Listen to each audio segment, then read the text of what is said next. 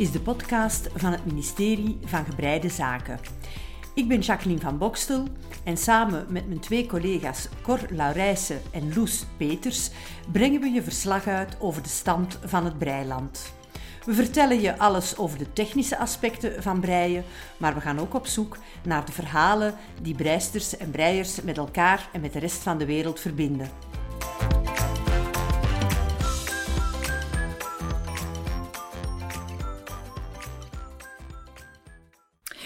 Welkom bij het ministerie van Gebreide Zaken.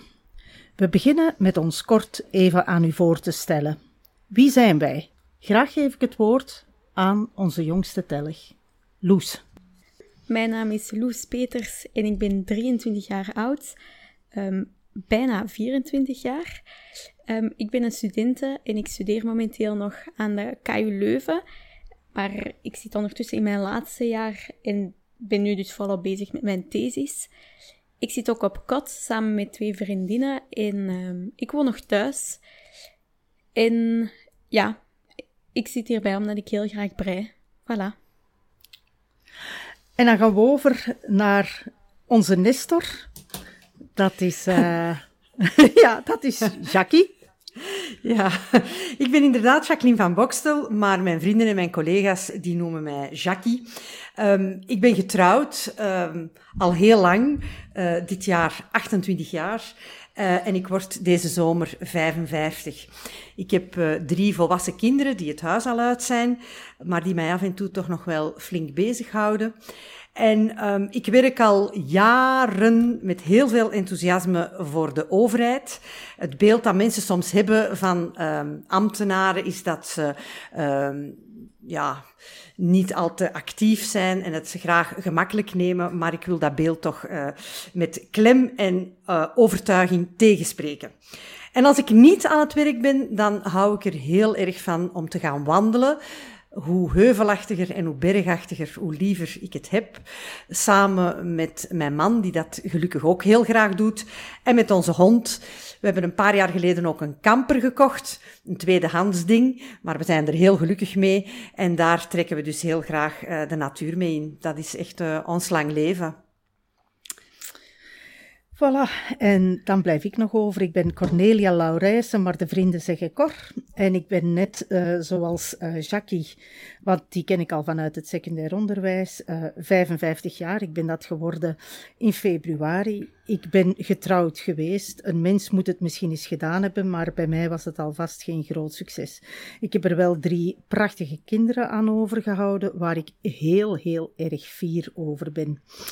Um, ik werk in het onderwijs en ik vind dat nog altijd de tofste job uh, die er is. En ook daar, net zoals Jackie zei, uh, wordt wel eens gezegd: de mensen in het onderwijs, ze werken niet hard. Wel, ook dat wil ik met klem tegenspreken. Er wordt bij ons heel hard gewerkt met een heel groot hart voor onze cursisten, want ik sta in het volwassenenonderwijs.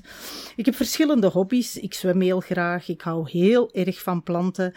Ik kampeer heel graag en net zoals Jackie heb ik ook een, uh, een kampertje gekocht. Uh, wij hebben een camperbusje. Uh, Geen heuse grote mobilhome zoals Jackie, maar het plezier om ermee op pad te gaan is even groot. En waarom zitten wij hier met z'n allen samen? Omdat wij allemaal een grote passie hebben voor breien en wij hopen een deeltje van die passie ook aan jullie over te brengen. We zullen beginnen met hoe lang wij intussen al breien. Hè. Bij ons, uh, bij Jackie en mezelf, is dat al heel lang. Hè. Um, ik heb leren breien toen ik zes jaar oud was. Dat hoorde toen nog. Jackie zegt altijd dat stond in de eindtermen, al waren die er toen nog niet. Um, wij hebben leren breien als we zes waren in het eerste leerjaar. En bij mij in concreto was dat bij de geweldige juffrouw Nijs, die naast lesgeven in het eerste leerjaar ook een hele grote perengaard had. En uh, als je aan mij had gevraagd wat ik het liefste deed in haar perengaard rondlopen of breien, leren breien, dan had ik ongetwijfeld gezegd, geef mij de perengaard maar. Maar goed, ik heb daar dus leren breien. En juffrouw Nijs, die verdient daarvoor absoluut een standbeeld. Dat mensen had uh, gigantisch grote breinaalden waarmee ze het ons dan liet zien en dikke, dikke katoenen wol. En wij hadden allemaal onze eigen set met uh, toen waren dat uh, goudkleurige metalen breinaaltjes en blauw katoen om uh, 15 steken te leren breien. En die 15 steken waren opgezet door juffrouw Nijs. En bij mij vorderde het, vorderde het voor geen meter. Hè. Ik, uh, ik had zweetbollen, de draad schoof niet, de, de bolletjes wol uh, werden geknoopt. Enfin, in ieder geval, uh, dat was geen gemakkelijke opgave. En ik ben vervolgens met een bezweet en bekiezeld, bekeuzeld um, breiwerkje naar huis getrokken, al waar mijn grootmoeder zei van kom kindje, dat zal ik u eens uh, terug opnieuw leren. En in plaats van het mij te leren, deed ze het zelf. Maar dat was naast uh, juffrouw Nijs gerekend, want die heeft vervolgens in de klas heel mijn mooie breiwerkje terug uitgetrokken, omdat ze er echt van overtuigd was, terecht, dat ik dat niet kon gedaan hebben. Maar hoe heeft Loes leren breien, onze jongste telg? Want bij haar zat het dus absoluut niet, nee. niet in de eindtermen, hè Loes? Vertel eens. Nee, bij ons, um, ik heb het zelf nog nooit, ik heb het nooit gehad in school. Um, bij mij is het eigenlijk gekomen omdat ik een tijdje ziek was en ja, ik was me heel erg aan het vervelen.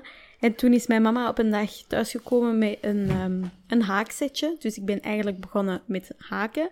En dat was zo'n setje um, ja, dat je zo'n figuurtje kan haken. En um, ik ben dat dan leren doen, maar eigenlijk ook wel niet heel een tijd, ook wel laten liggen. En dan daarna zijn er de breinaalden gekomen en dat vond ik dan toch wel iets leuker, want daar kon je ook wel iets mee maken dat je ook kon dragen natuurlijk. Hè? Dus een sjaal niet dat die sjaal heel draagbaar was, maar bon, het was een sjaal. En waarom niet? Waarom niet? Vertel eens. Jouw waarom, eerste sjaal? Waarom zou je het er niet van krijgen? Ah. maar, maar, misschien wel van de inspanningen om het te leren maken. Ja, ja, ja. nee. Een en al gaat. Een zeer goede doorluchting. Ah, oké. maar ja, ik vond het wel leuk. Ik vond het wel leuk. En dan... Um, ja, ik heb het eigenlijk ook de steken mezelf aangeleerd door... Ik had wel een breiboek waar, dat, uh, waar dat ze het uh, uitlegde. Maar op een, allez, op een foto is het nog altijd vrij moeilijk om te leren, vind ik. Want ja, daar kan je de handelingen en de draaien van je handen en weet ik veel wat niet zo goed zien. Dus dan ben ik op YouTube uh, filmpjes gaan beginnen zoeken. En zo heb ik het eigenlijk met YouTube geleerd. En dat doe ik de dag van vandaag nog. Als er een nieuwe steek is dan ga ik op YouTube en dan kijk ik uh, filmpjes en bestudeer ik die. Echt, kind van, echt een kind van deze tijd. En juffrouw Nijs op het internet zoeken. Hè? Ja, ja. maar ja. ik vind het toch wel en heel Jackie. knap ja, ik vind het knap van, van Loes dat, dat ze heeft leren breien. Gewoon met, met filmpjes random op te zoeken en het dan ja, trial and error uh, ja. te proberen. Ik vind dat echt heel chic. Want um, ja, ik heb dus net, zoals Cor, leren breien op school. En wij hadden geen keuze. Wij, moest, wij moesten leren breien en borduren en haken. Wij hadden gewoon handwerkles. En ik um, ben eigenlijk een hele atypische handwerkster. Want ik heb twee vaardigheden die handwerksters moeten hebben, heb ik niet, namelijk geduld en oog voor detail. En dat betekent natuurlijk dat die handwerklessen voor mij vaak een kwelling waren. Aha, uh, voor mij ook. Allee, toch? Ja, ja, wat ik wel uh, heel attractief vond aan de handwerkles, en dan meer bepaald aan het breien, was het leren van nieuwe dingen, waar je dan ook echt iets mee kon maken. Dat vond ik, dat vond ik altijd wel fijn. En ik ja. herinner mij nog levendig als, als uh, kind, dat dus uh, in het vijfde leerjaar leerden we breien met vier priemen.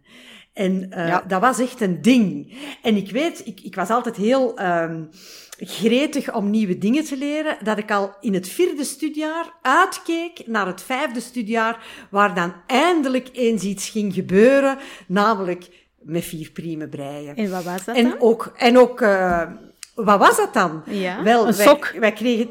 Een sok? Nee, een muts. Een muts. Een muts. Een muts. Ah, ja, ja, een muts. Ja. Een muts. Sok En- is en te in- moeilijk. Ja. In wit, En met vier in witte wol. Met vier priemen, ja. Ja, en uh, dat was in, in een brede ribbelsteek, dus uh, drie, drie rechts, drie averechts ongeveer, denk ik. En uh, zo leerden wij in het rond breien, maar op vier priemen. Ah, ja. En ik heb die muts zelfs gedragen. Eh, wat ik van mijn... wat ik van mijn andere handwerkjes in de lagere school niet echt kan zeggen dat ik die gebruikt heb, want wij hebben allerlei dingen gemaakt. Ik herinner mij vaag een overtrek voor een rol wc-papier. Ja, gehaakt. ja, ja, ja, ja, ja, ja, ik ook. Inderdaad, haken. inderdaad. Ja, ja. ja, dus wij haakten, ik in roze katoen, een overtrek voor een rol wc-papier. Maar wie in godsnaam pakt zijn wc-papier in in een overtrek? Ik bedoel, daar doen we toch helemaal niks mee. Terwijl die muts, dat was echt bruikbaar. En die heb ik dus met trots gedragen, omdat ik ze zelf gemaakt had. En omdat ik daar toch wel heel uh, fier op was. Um, maar ik ben altijd blijven breien, ook al lijkt het er nu op alsof ik dat in het begin helemaal niet graag deed. Toch wel. Uh, ik heb als jong meisje veel gebreid. Ik heb eens een akelig, lelijke debardeur gebreid met lama's op. Dat was toen heel erg in de mode, maar daar zou je dus vandaag niet dood in gevonden willen worden. Um, maar goed, ik had altijd een breiwerk uh, op de naalden staan. Uh, een, een, ander werk waar ik nog... Um, vaak aan terugdenk, is een, een vest in roze ajour. Dus in een roos plazig garen, volledig in ajour met parelmoeren knoopjes. Dat was eigenlijk zonder overdrijven, eigenlijk wel toch een hele verwezenlijking. Ik zat toen in het vijfde middelbaar en ik heb toen de eelt op mijn vingers gebreid om die vest af te krijgen toen dat wij naar Parijs vertrokken. Wij gingen toen ah, het vijfde ja, en zesde ja, middelbaar naar Ja, Parijs. ja, En ik ja. wilde Ja. absoluut die vest af hebben om mee te nemen naar Parijs, wat me overigens gelukt is. En later...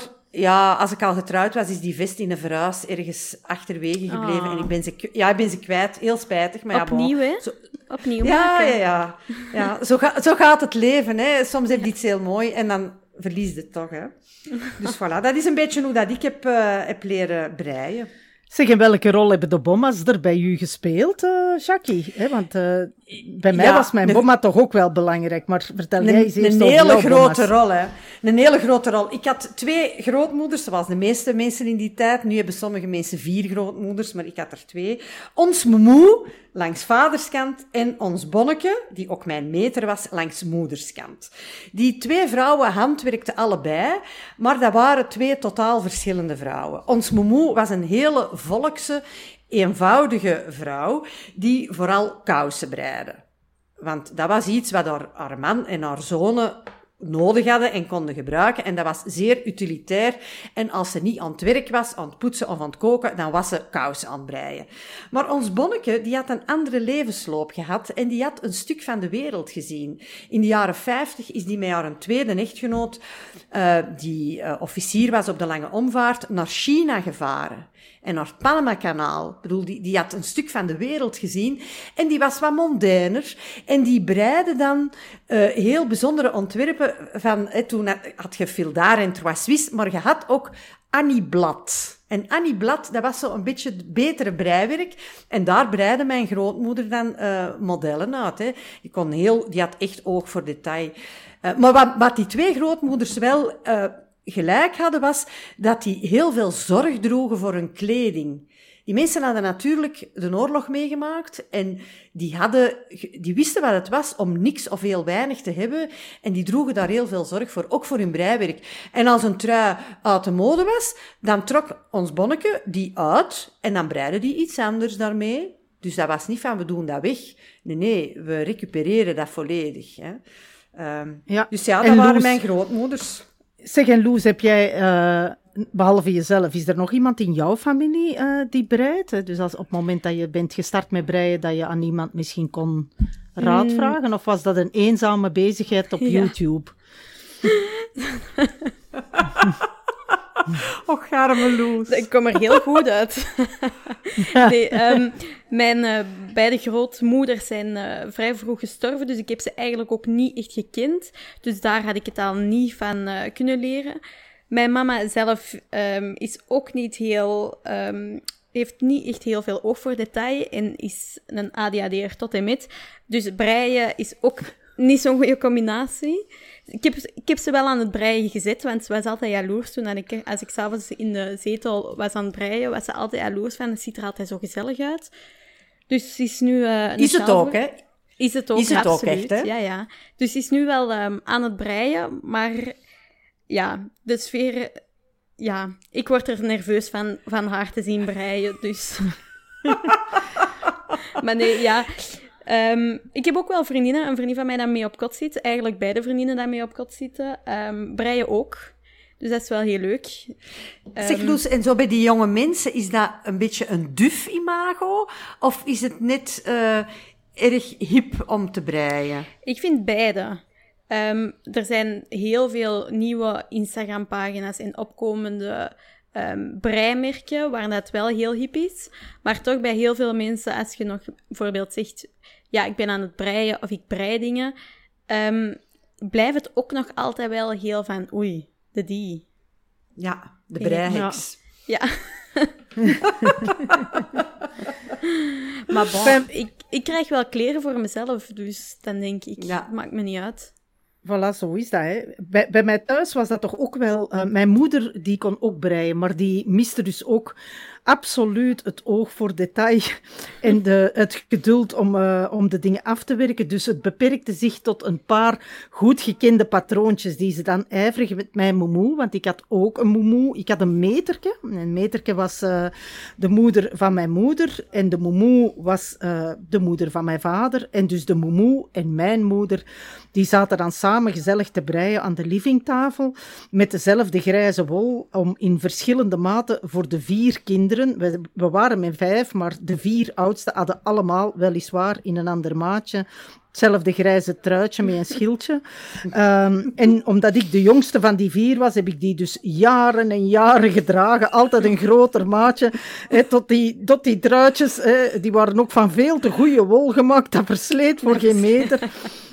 Eh, m- m- maar goed, ehm, ik heb van haar dus echt, mijn moemoe, die kon dat heel goed. En hoewel ik echt een buitenkind was, dat veel liever buiten ging rolschaatsen en skateboarden en badmintonnen, intrigeerde dat breien mij toch heel erg eh, sterk.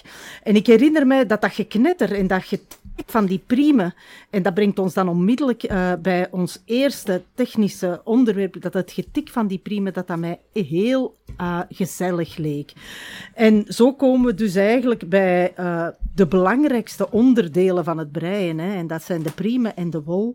En in dit deeltje van de aflevering willen we het eigenlijk echt graag hebben over verschillende soorten breinaalden. En ehm, wat we er goed aan vinden en wat we gemakkelijk vinden en moeilijk vinden. En daarvoor eh, geef ik in eerste instantie graag het woord aan, aan Jackie. Ja, ehm, het allerbegin, en zo heb ik het ook geleerd, eh, is ehm, breien met de rechte priemen. Eh, die er zijn er in metalen versies, in houten versies. En recent heb ik in de Veritas gezien dat die ook in kunststof en zelfs van die hele flexibele rechte priemen bestaan. Ehm, in alle maten natuurlijk. Hè. Priemen hebben een, een nummer en dat komt overeen met de millimeter dikte van de, van de breinaald. En daar komt dan ook weer garen mee overeen, maar daar gaan we het in een andere aflevering nog over hebben. Ehm, en die rechte priemen, ehm, het juiste woord is volgens mij breinaalden, maar wij zeggen priemen omdat eh, dat een afgeleide is van het merk Prim. P-R-Y-M. Een klein beetje on the side. Maar dat is dus een bedrijf in Duitsland, dacht ik, dat gespecialiseerd is in alles wat met handwerken te maken heeft. En toen ik leerde breien, was dat volgens mij de enige leverancier op de markt, hier bij ons. En dus zeiden de mensen al snel een paar priemen in plaats van breinaalden.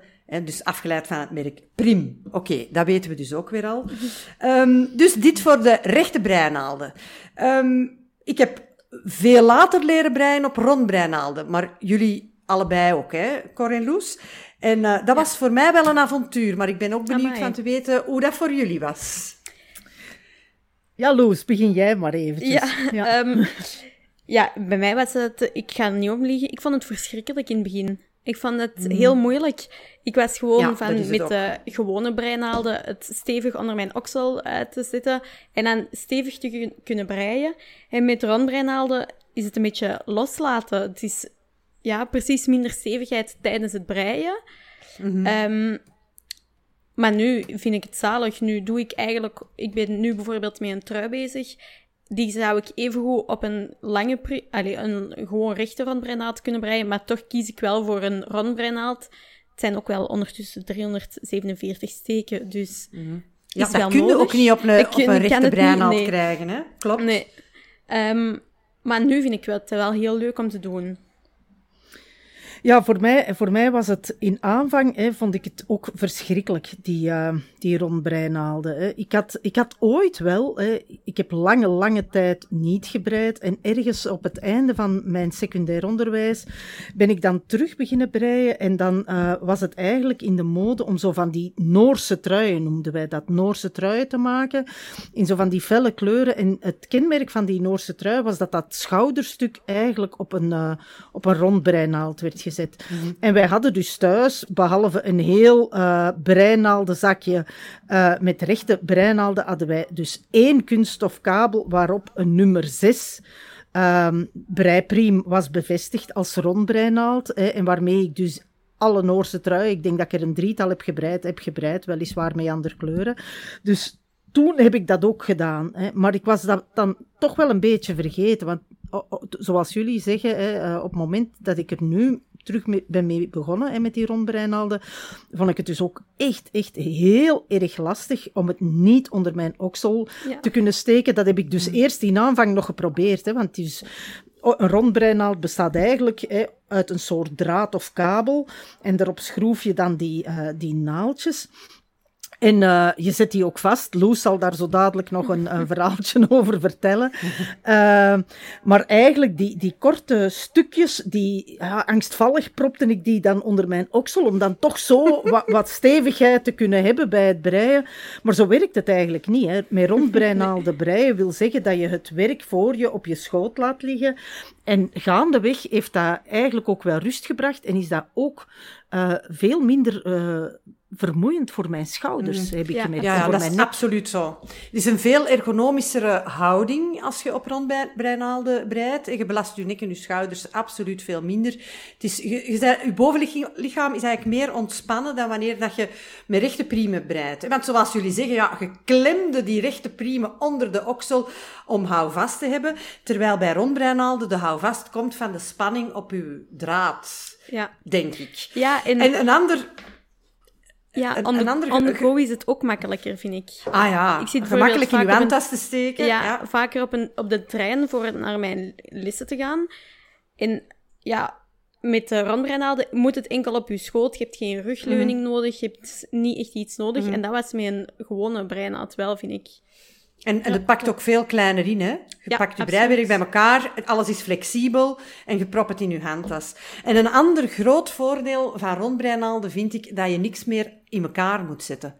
Als je je laatste steek gebreid hebt, dan is je breiwerk af. Ja. Enfin, het moet dan misschien nog wel geblokt worden. Eh, dat is ook nog iets waar we het later zeker over gaan hebben, over het blokken van breiwerk. Maar je hoeft geen eh, mouwen meer in te zetten of eh, dat soort van dingen. Want dat was iets waar ik eigenlijk niet zo goed in ben.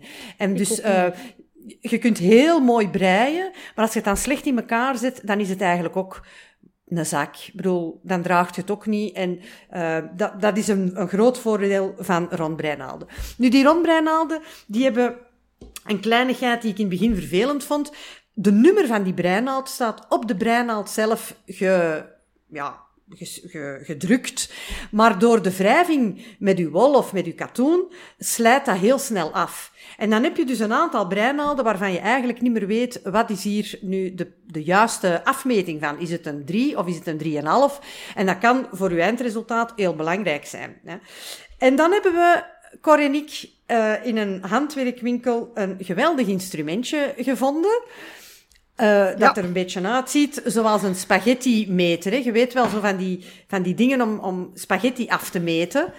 Wel, dat bestaat dus ook voor rondbreinaalden. Hè? Ja, ik heb dat van, eh, ja, ja, ik heb dat van Niet Pro, heet dat. Dat eh, ziet er heel eh, fancy uit.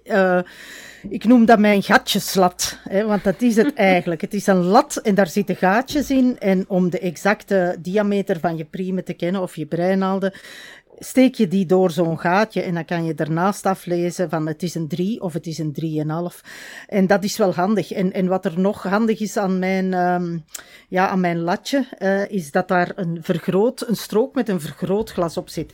Dus als ik dat uh, op mijn breiwerkje leg en ik heb mijn bril niet aan hè, en ik kan een aantal dingen toch breien zonder mijn bril, namelijk rechts en averechts, dan kan ik met dat, dan kan ik uh, met dat vergrootglasje zien hoeveel steken ik heb uh, gemaakt. Dus dat vind ik wel goed.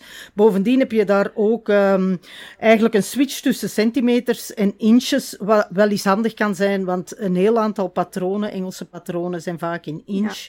Ja. daar zullen we het zeker ook later nog over hebben. Hè. Voilà. Maar dat is eigenlijk een soort van luxe model dat jij hebt, Cor. Dat is echt wel Vooral, vooral met dat vergrootglas, ja. Dat vergrootglas, ja, dat is uh, geweldig. Ben ik wel een klein beetje jaloers op eigenlijk, als ik dat mag zeggen. Een, een tikkie jaloers. Ja. Nu, de rondbreinaalden, hè, die heb je eigenlijk ook... Uh, cor, cor, uh, pardon, Jackie en, en Loes hebben andere soorten rondbreinaalden. Ik denk dat Jackie en ik, wij hebben hetzelfde setje. Wij hebben zo'n ja. setje gekocht met daarin een zestal kabels en dan alle brei, breinaalden van 3,5 ja, tot 8, klopt. denk ik. Ja. Uh, met verschillende, uh, daarin zitten verschillende ja, stopjes om, om eventueel in plaats van aan de twee kanten van het kabeltje een breinaald te zetten, kan je ervoor opteren om van maar aan één kant uh, een naaldje te schroeven, aan de andere kant een stopje. En dan is het eigenlijk een flexibele breinaald, een flexibele rechte breinaald. Um, maar ik denk, Loes, Loes heeft omwille van het niet helemaal doorhebben van een systematiek van het opschroeven, heeft zij zich, uh, ja, heeft zij andere rondbreinaalden. Ja, maar vertel vooral, Loes. Ja, dus... Ah, ja. Ik had, um, ik had al wel rondbreinaalden van heel lang geleden, maar ik was er toen niet echt mee bezig, want ik wist niet voor wat dat ze dienden. Maar toen ik dan met de um, Scandinavische patronen ben beginnen werken, gebruikte die altijd rondbreinaalden. Dus ben ik wat meer in de rondbreinaalden beginnen investeren, maar ik had altijd rondbreinaalden waar dat de um, priem en het draadje echt vastzitten. Maar bij jullie mm -hmm. kunt je die verstellen. Mm -hmm. Dus ik dacht, ik, ver, ik koop ook eens de verstelbare. Dus ik had een 9 en een 10, dat weet ik nog goed, um, aangekocht. Um, maar het, begin, het begon bij een aankoop ook al fout te gaan, want ik dacht dat ik beide in het goud had gekocht, maar ik had dan uh, de prime zelf in het zilver en dan een draad in het goud. Dus het paste eigenlijk ook al niet meer samen. Ah, niet mooi om met te breien. Het was ook al niet mooi. Het was ook al niet mooi. Nee. Dus ja, wat doe ik? Ik schroef het gewoon. Ja, ik draai het gewoon in elkaar en ik laat het daarbij. En tijdens het breien, ja, mijn priem kwam constant los van die draad. Dus mijn steken vielen er af en toe af. Of ik moest de hele tijd terug bijdraaien. En ik werd daar helemaal zot van. Blijkt dat dan door mijn collega's van het ministerie ik dan te weten ben gekomen dat ik het gewoon fout deed. Ah, fout ja, of, niet. Je had een heel ja, klein basic dingetje. Ja. ja. Ja. Ik heb een stap, er ontbrak een stap. Ja, en voilà. eigenlijk wel een vrij belangrijke. Verlicht ja. ons, verlicht ons. Vertel over de ontbrekende stap. Ja, er was nog een metalen staafje dat je in, nog moest gebruiken om het extra aan te draaien, om het dan echt heel goed aan te draaien, dat je met je eigen kracht niet kunt doen.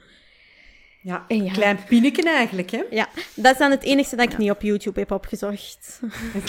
Ja, ah, voilà. maar ik moet eerlijk zeggen, ik, ik lach nu wel mee, Loes, maar ik moet eerlijk zeggen, ik wist dat dat pinneke diende om aan te draaien, maar ik dacht, wat kan dat pinneke nu harder vastzetten dan dat ik dat goed vastschroef. Hè? En ja, dus, ja. Maar het nee. klopt wel, als je het gewoon eigenhandig vastschroeft en je breidt een tijd, die kabel die dan komt het los, hè? Los, ja, en dat komt los. En u steekt En dan begint u een draad tussen, ja, tussen te zitten. En, ja, en dat is, en dat is vervelend. Ja, heel voilà. vervelend. Dus ik ben ermee gestopt en ik heb verder geïnvesteerd in vaste randbreinaalden. Ja. Ik denk dat het minder economisch is. Want met, uh, wij hebben eigenlijk, ik heb altijd nog altijd maar een achttal, een achttal kabels, denk ik, van verschillende afmeten gaande van uh, 40 centimeter tot uh, een meter 20 als kabel. Um, en dan, ja, ik zit me dan altijd af te vragen, als, je, als die eraan vastzitten, nu laat ik gewoon mijn kabel zitten en ik zet er andere topjes op, ik zet er andere breinaalden ja. op. Hè? Een, een, maatje groter of een half maatje groter. Voor jou geldt dan dat je eigenlijk daar een hele nieuwe rondbreinaald door moet trekken, niet? Ja, dat kan, ja. maar wat ik vaak ook doe, is als ik een nieuwe, um, als ik van priemdikte moet veranderen, dan begin ik gewoon langs mijn Met die- linkerkant met de oude en langs mijn rechterkant met de nieuwe. En dan zo gaat dat wel over. Het enkel, nu bijvoorbeeld, nu met de trui dat ik nu ben aan het maken, moet ik bijna de mouwen, ehm, ja, de mouwen en het lichaam scheiden. Maar dan zet ik gewoon een draad op een ehm, naaldje en dan ga ik met dat naaldje daardoor. En dan is dat eigenlijk ook vrij makkelijk. Ja, en dan komen we eigenlijk bij het laatste onderwerpje voor vandaag. Hè, want daar hebben we het nog niet over gehad. We hebben het over verschillende breinaalden gehad, maar nog niet over de double-pointed needles. Ja. Behalve dat we gezegd hebben dat Jackie daarmee heeft leren breien als ze eh, in het vijfde leerjaar, wij noemden dat eigenlijk de vier priemen. Hè. Jackie, vertel eens. Ja, de vier priemen, eh, waar ik dus die fantastische witte muts op eh, heb leren breien, ehm, die bestonden vroeger in de lange versie, wat eigenlijk onhandig was. En ik zie nu dat op de markt die double-pointed needles veel korter gemaakt zijn. Dat dat dus gaat over breinaalden van pakweg 15 tot 20 centimeter lang, eh, wat maakt dat ze handiger te gebruiken zijn. Ik moet jullie wel eerlijk zeggen, ik gebruik die eigenlijk nooit. Ik gebruik liever de Magic Loop techniek op rondbreinaalden. Omdat ik dat makkelijker vind eh, dan eh, met eh, de double pointed te werken. Maar ik dacht, eh Loes, dat jij dat af en toe wel gebruikt. Eh, ja, Ik vind Ja. beide, allee, sorry, want breien is heel tof, maar ik, ben, ik vind beide methoden eigenlijk verschrikkelijk. Vervelend. Ja. Ehm, maar ik gebruik wel, omdat ik bij de Magic Loop heb ik het gevoel dat er nog altijd, dat je dat wel ziet en dat er altijd wat bredere steken dan in je mouw bijvoorbeeld zitten. En dat heb je bij de double pointed needles dan minder. Ehm, Ja. Maar het is wel een gesukkel, hè? Ja, het is ja, een gesukkel. Het is, een sukkel. geprut. Ja. Ja, ja. Maar eh, misschien, zullen we, maken, misschien zullen we in een van onze volgende afleveringen daar eh, nog eens wat tijd aan besteden. Hè, hoe je kleine dingen afwerkt, eh, het geprut en het gefriemel, hoe dat je dat best aanpakt, want het hoort er af en toe wel bij. Hè. Als, je, Ja. als je iets voor een kindje breidt, of een, een eh, mouwomslag of iets dergelijks, ja, het is, het is dan vaak, of het topje van een muts, hè, de bovenkant van een muts, dat wordt dan eh, vaak een gepriegel. Hè. Maar daar komen we nog wel eens eh, in een volgende aflevering op terug. Voilà, dan rest ons alleen maar om, eh, eh, om afscheid te nemen van jullie. Ja. Eh, dit was onze eerste aflevering eh, van het ministerie van Gebreide Zaken en we hopen dat jullie een volgende keer terugluisteren. Dag. Inderdaad. Dag, tot gauw. Je luisterde naar de podcast van het ministerie van Gebreide Zaken. Ik ben Jacqueline van Bokstel en samen met mijn collega's Cor Laurijsen en Loes Peters brachten we je ver- verslag uit over de stand van het breiland. Wil je de besproken informatie nog eens nalezen, dan kan je terecht op onze Facebookpagina en je kan ons ook volgen op Instagram. Hou ondertussen je steken goed op een rij en tot gauw bij een volgende aflevering van het ministerie van Gebreide Zaken.